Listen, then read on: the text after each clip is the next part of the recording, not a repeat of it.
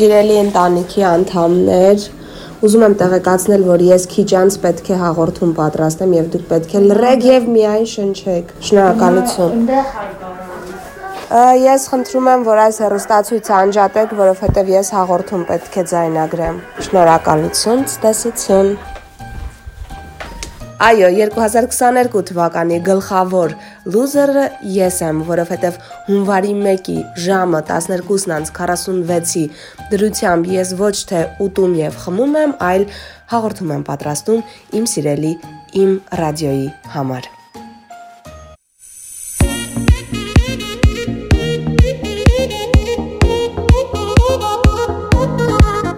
Դեռ նոյեմբեր ամսից հաշվել էի ու գիտեի, որ հունվարի 1-ը շաբաթ է եւ ես ինչպես անցած տարի,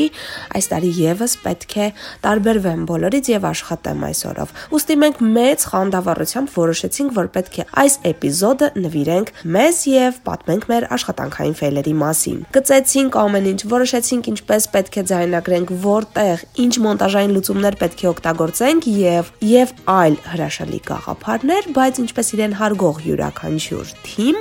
վերջում մեր ֆանտաստիկ պլանավորումից մնաց այն, որ մենք ամեն մեկս մեր տներում ձայնագրեցինք մեր ֆեյլերի մասին եւ հավաքեցինք միտեղ։ Բարև ձեզ, դուք լսում եք Կարճ ասած ոդքասթի ամանորյա եթերը։ Մարիամ, մի րոպե փակե։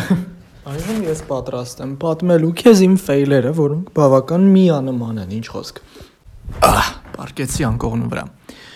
Ամ ինչու են միանման, որովհետև եթե մեր խմբագրությունում հարցնեին, թե ով է ձեզնից մեկը, որ մոնտաժները բոլոր հաղորդումների անում է վերջին պահին ու չի հասցնում եթեր տալ, ինչի պատճառով երբեմն իմ կամքին ու ցանկություններին եւ ֆինանսին հակառակ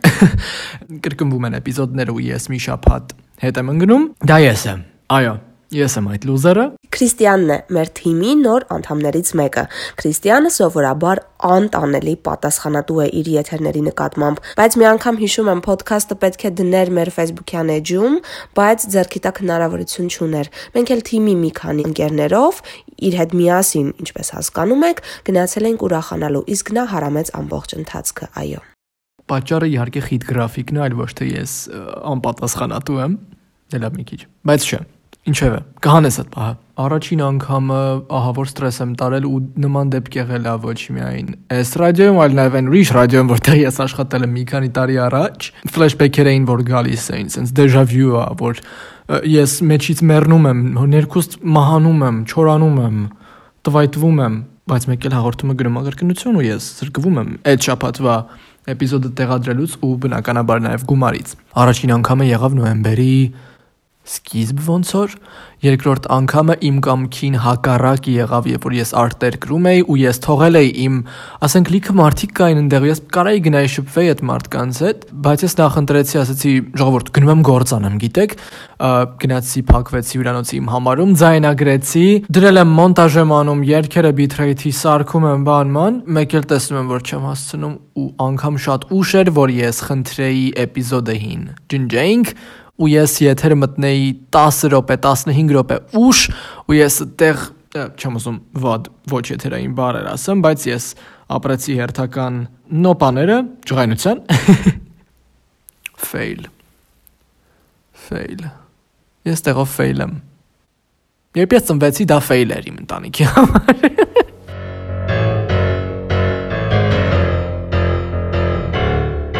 սկզբում երբ որոշեցինք մենք էլ մեր եթերային աշխատանքային ֆեյլերը պատմել, ինձ թվում էր թե ես պատմելու շատ բան չունեմ։ Սյուզինը Ինչպես հասկացաք, նրան դա զուտ թվացել է։ Այո, մարդը չի կարող 10 տարուց ավել աշխատել ռադիոյում եւ ոչ մի ֆեյլ չունենալ։ Մեր Սյուզին մեր թիմի ամենահայտնի մարդն է, այդպես ասում են թվերը։ Կիրակի օրեր ես որոշեցի, որ պետք է գնամ ռադիո եւ նախապես գրեմ իմ նյութը երկուշաբթի օրվա համար։ Գնացի որոշեցի, որ ներսից պետք է դուռը փակեմ, աշխատանքս կվերջացնեմ, նոր կբացեմ։ Երբ արդեն աշխատանքս վերջացրեցի, ուզում էի արդեն դուռը բացել, հասկացա, որ բանալին չի պատտվում կողպեկում եւ ինչ որ բան ընկավ այդ պահին գետին, փոքր մասնիկ էր կողպեկից։ Հասկացա, որ արդեն ես փակվել եմ այդ սենյակում եւ արդեն զանգահարեցի ռադիոտան պահակատան ոստիկաններին, բացատրեցի իրավիճակը, նրանք բարձրացան վերև, այդպես կողպեկը ջարդելով դուռը բացեցին, բայց այդ բան երբ հարվածում էին ուժեղ դռանը, ես ասում մտածում եի աստված իմ, այսա դուռը կկոտրեն, ես ինչպես պետք է դռան ծախսո հոգամ։ Բայց փարկաստո դուռը չկոտրվեց եւ ես հաջողությամբ կարողացա դուրս գալ սենյակից, հետագայում արդեն ավելի վոլակյալ կողպեկ դրեցինք, որ նման դեպքեր այլ չլինեին։ Գնացել էի հարցազրույցի,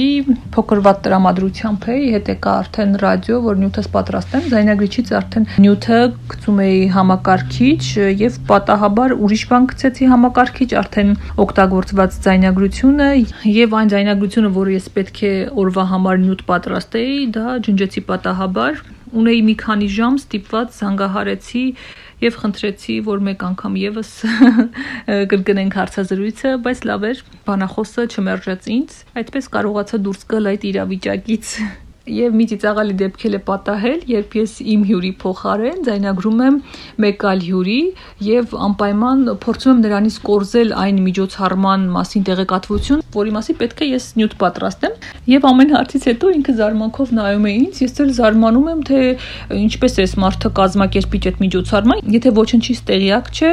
ու ընդհանրապես այլ թեմայից է խոսում ես ասացի մի րոպե ստոպ տանք եւ հասկանանք էլի ինչ է կատարվում, բայց պարզվեց, որ ինքը այլ է հաղորդավարի հյուր է եւ իմ հյուրը ներքևում սպասում էր։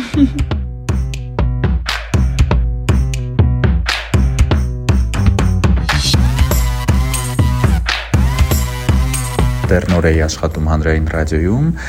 ու սխալմամբ եթեր էի տվել չմոնտաժված ռեպորտաժ այն ժամանակ ինչպես եւ հիմա ամեն ինչ մենք էինք անում մոնտաժ երաժշտական ձևավորում եւ այլն Սևակն է նա լսում է իր բոլոր հաղորդումները քիչ է լսում է նաև մերը։ Ժողովների ժամանակ Սևակը միակ մարդն է, ով կարող է հանգիստ տապալել մեր, այսպես ասած, ռադիո կարիերան եւ հակառակը բարձրացնել այն։ Չգիտես թե ինչու պատահմամբ հաղորդավարին էի փոխանցել չմոնտաժված տարբերակը եւ բախտս բերել էր որ ձայնագրվելիս շատ սխալներ չէին եղել կամ ձայնագրողի հետ ինչ որ կատակներ չէին կարել ձայնագրող օպերատորի հետ ու եթերում հայտնվել էր ընդամենը մի քանի կրկնություն Միացրեցի, որ սովորաբար էլի լսեմ ռադիոն ու հանկարծ լսեմ, որ սա չմոնտաժված տարբերակն ուրեմն շատ արագ տնից դուրս եմ եկել, տաքսի եմ կանչել, հասել եմ ռադիո, որ հանկարծ երեկոյան այդ նույնը չգնա կրկնություն, չնայած ես լսում եի ժամը 5-ին, իսկ կրկնությունը իրիկունը ժամը 11-ին էր, այսինքն անգամ եթե ոդկով էլ գնայի, որևէ բան չէր լինի, բայց այնքան անհանգիստ էի, որպես դա իմ առաջին լուրջ ծախողում, որ շատ արագ հասա, նոր մոնտաժված տարբերակը դրեցի ցանցում եւ արդեն երեկոյան գնաց ճիշտ տարբերակը բարեբախտաբար գրեթե ոչ մեկը չէր իմացել որ նման բան է եղել որովհետև շատ քիչ գիքսեր կային այդ չմոնտաժված տարբերակի մեջ իսկ ռադիոլսողին միգուցե թվար որ դա տեխնիկական խոտան է այլ ոչ թե նման լուրջ բաց թողում մեր խմբագրի ամուսնուն որը դերասան էր պետք է մրցանակ հանձնային արտասահմանյան եւ ինձ վիճակվել էր բախտ այսպես ասած լուսաբանել այդ միջոցառումը եւ այդ հուզմունքից պարտավորությունից ելնելով ես մինչեւ այդ վայր հասնել անելը մտա խանութից նոր էլեմենտներ գնեցի ձայնագրիչի համար, որ հանկարծ որևէ X չլինի, ձայնագրիչը չանջատվի եւ այլն այդ ուզմունքի պատճառով տաքսո մեջ էլ փոխեցի էլեմենտները ու հենց ստայնագրիչը թողեցի տաքսո մեջ հասատեղ, որ այսպես շատ հպարտ ասեմ, որ ամեն ինչ պատրաստ է, հիմա կարող ենք ձայնագրել ու բարձվեց նոր չկա ձայնագրիչս։ Հասուն 6-7 տարի է անցել, այն ժամանակ էլ իհարկե կային սմարթֆոնները, բայց այդքան տարածված չէր դրանցով ձայնագրել ու առաջին անգամ ստիպված փորձեցի սմարթֆոնով ձայնագրել ու շատ վախենալով, որ հանկարծ որևէ սխալ բան չլինի։ Ամեն ինչ բարեհաջող անցավ ու նայվ ասեմ, որ շատ բարեխիղճ տաքսո վարող 12-րդ էր։ Հազիվ հիշեցի, այն ժամանակ չկային այս հավելվածով տաքսիները, հիշեցի ինչ անունով տաքսի եմ նստել, զանգեցի դիսպետչերին ու գնացի հետո վերցրեցի իմ ձայնագրիչը։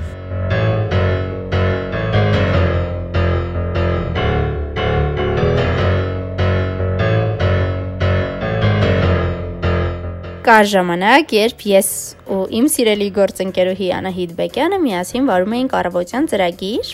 վեգան է, ում հյուրերը միշտ հայտնի մարդիկ են, որոնք հաճախ ուշանում են եթերից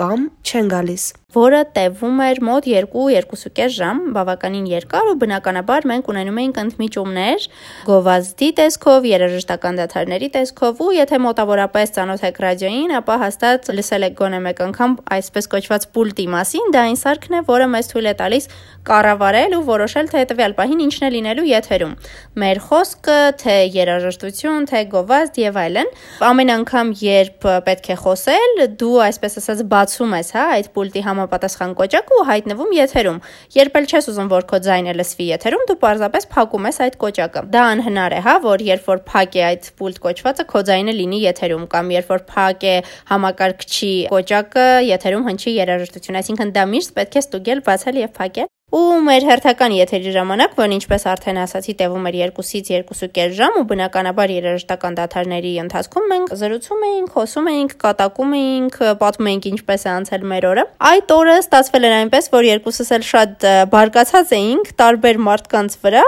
եւ մի լավ բան բասեցինք երաժշտական դաթարների ընթացքում, գովազդի ընթացքում, մի խոսքով այն բոլոր դաթարների ընթացքում, որոնք որ կային այդ թողարկման մեջ, մենք բան բասեցինք անուններով ոչ այնքան բարի բառերով։ Մի խոսքով ինչպես ժողովրդական լեզվով են ասում, մի լավ լվացինք ոմանց ոսկորները։ Իդեպ ուզում եմ նշել, որ մենք միշտ բնականաբար փակում ու բացում էինք հա այդ համապատասխան կոճակները։ Ավարտվեց եթերը եւ մեզ եկավ հերախոսազանգ ստուդիայի հերախոսին։ Վերցեցինք հերախոսը, զանգահարել էր մեր ռադիո լսողներից մի տղա, որն ասաց, որ գիտեք, բավական երկար մտածում էի զանգեմ, չզանգեմ, զանգեմ, չզանգեմ, բայց մտածեցի ամեն դեպքում ճիշտ է զանգել։ Ուզում եմ ձեզ տեղեկ պահել, որ երբ որ դու դուք երաժշտական դաթարների կամ գովազդի ընթացքում խոսում եք, մենք եթերում ամեն ինչ լսում ենք Հիմա ես կարողանում եմ հանգիստ պատմել այդ պատմությունը, բայց այդ ժամանակ դա մեզ համար պարզապես սարսափ էր, որովհետև շատ ռեալ էր, հա, որ այն մարդիկ ում քննարկել էին եթերում, լսած լինեին եթերը ու լսած լինեին այն ամբողջ բարի խոսակցությունը, որ մենք ունեցել էինք իրենց մասին, իրենց վրա բարգացած։ Այդպես էլ չիմացանք, արդյոք փչացած էր, հա, այդ պուլտ կոչվածը, սարքներ փչացել, թե ինչ էր տեղի ունեցել, որովհետև մենք հաստատ փակել էինք, հա, այդ կոճակները, բայց ամեն դեպքում դա դեռևս մեծագույն եթերային ֆեյլն է, որտեղ տեղի ունեցել մազապուրց եղանք բարեբախտաբար հետո արձագանքներ չեղան ու մենք հույս ունենք որ ոչ ոք չէր լսել իդեպ մենք պահանջեցինք պնդեցինք եւ այդ եթերից հետո այդ սարքը փոխվեց եւ ուրիշը տեղադրվեց ու նույնիսկ նոր սարքերով մենք միևնույն է միշտ ոչ օրս շատ-շատ ուշադիր ենք եւ այսպես ինչեւ վերջ ձիգ որքան հնարավոր է փակում ենք այդ կոճակները Դա ուղղակի խայտարակություն էր, այդ ֆեյլ չէր, դա խայտարակություն էր։ Սելի վեգա մենք խայտարակ ենք եղել ուղի եթերում առավոտ շուտ։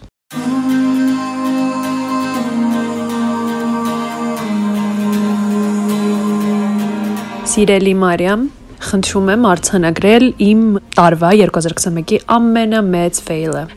Անահիտն է մեր պրոդյուսերը։ Նա տարին սկսել է փոքրիկ ձախորդությամբ, բայց մենք գիտենք, որ ինչպես տարին սկսես, այնպես էլ կանցնի արտահայտությունը միֆ է, չկա նման բան։ Դա հորինել են, որպեսի կաղապարեն մեզ։ Ամեն ինչ լավ կլինի։ Ես աշխատել եմ շաբաթը 7 օր, օրը 12 ժամից ոչ պակաս եւ միակույսս տոնական օրերն էին, որ ես պիտի հանգստանայի։ Էն էլ ինչպես նկատում եք ձայնիցս, ես հիվանդ եմ։ Մի անգամ ես ու իմ սիրելի Համլետը, դե ուղիղ եթերում գիտեք շատ են ֆեյլեր լինում,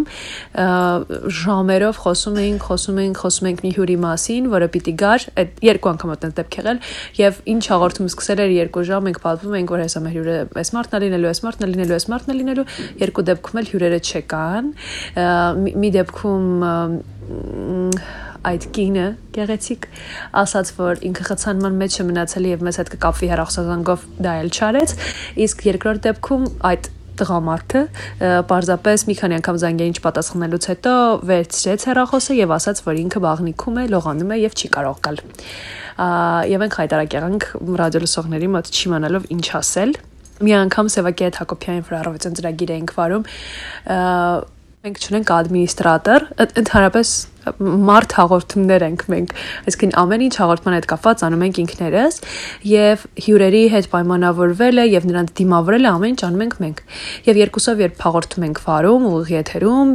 հյուրը գալիս է, պիտի սպասի այնքան, որ մենք օրինակ խոսքը վերջացնենք, երկ միացնենք եթերից եւ մեզից մեկը գնա եւ հյուրին դիմավորի եւ բազմաթիվ, բազմաթիվ, բազմաթիվ դեպքեր են եղել եւ հյուրերը ուղակի խոսքի վրա մտել են տաղավար եւ այդ ամբողջ խոսակցությունը դրան ճռոցը, բարևերը, մեր խառնված վիճակը։ Այդ ամեն ինչը ռադիո լսողները տեսել եւ լսել են, բայց միևնույն է ամենածիծաղալուն այն դեպքներ, երբ Տեր հայր էր մեր հյուրը եւ ինքը շատ անսպասելի բացեց դուռը եւ այդ իր հակոստով հատուկ ներս մտավ չգիտեմ ինձ թվում է մենք բարձր ծիծաղեցինք որովհետեւ արդեն այդ գործին դիմանալ այդ այդ պահին դիմանալը անհնար էր 2021-ին առաջին անգամ գրեցի բացատրագիր ռադիոյի տնօրենի պահանջով։ Հետո եւս մեկ անգամ գրեցի, այսինքն ունեցա երկու բացատրագրեր։ Առաջինը մի քիչ անուշադրության պատճառով, իմ շատ սիրելի նախկին գործընկեր Համլետի հաղորդման հետ կապված, իսկ երկրորդը երևի կյանքիս ամենամեծ ֆեյլի մասին է։ Ես ընդհանրապես շատ պատասխանատու մարդ եմ, ինձ ճանաչողները գիտեն, որ ես հիվանդագին պատասխանատվություն ունեմ ամեն ինչի հանդեպ, եւ դա այնքան վառ արտահայտվում, որ ես նույնիսկ շատ դժվար եմ ապրում այդ զգացումով։ Եվ այնպես հաստատվել, որ ես տնորենիս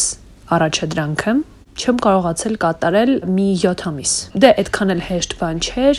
բայց ես չկարողացա այդ անեմ մի քանի ամիս շարունակ եւ ամեն օր Երբ ես լսում եի պարոն Խումարյանի ձայնը կամ ստանում էի նրանից հաղորդագրություն կամ զանգ, ես ուղակի հոգեկան հիվանդ էի դառնում այդ էմոցիաներից, այդ պատասխանատվության զգացումից եւ ես չէի կարողանում ուղակի, չգիտեմ այդ ինչ էր կատարվում, չէի կարողանում այդ գործը գլուխ բերել եւ ես էլ ունեմ մի ուրիշ վատհատկություն, ես երբեք օգնության չեմ դիմում ու այնպես ստացվեց, որ շատ երկար զրույցից հետո մի քանի ամիս անց արդեն ես ստիպված եղա խոստովանել, որ այո, ես չեմ կարողացել նրանից օգնություն խնդրել, ինչի իհարկե հիմարություն էր ամեն դեպքում այդ գործը տենց մի կերպ ստացվեց երևի կյանքումս այդքան չեմ ամաչել երևի կյանքում այդքան ոչ մի բանից չեմ լարվել աշխատանքային process-ում ինչքան լարվել եմ այս պատմությունից ես ուզում եմ ներողություն խնդրել բոլոր մարդկանց ովքեր այս պատմության հետ կապ ունեն հուսով եմ էլ sense fail չեմ ունենա կարևոր դասերից էր այս 2021-ի որ երբեմն մարդիկ fail անում են ու երևի այդ նորմալ է չէ Այո, սիրելի Անահիտ, դա նորմալ է, այնքան նորմալ, որ երբ ես ընդունվեցի աշխատանքի, հենց նույն օրը գուցե ազատվեի աշխատանքից։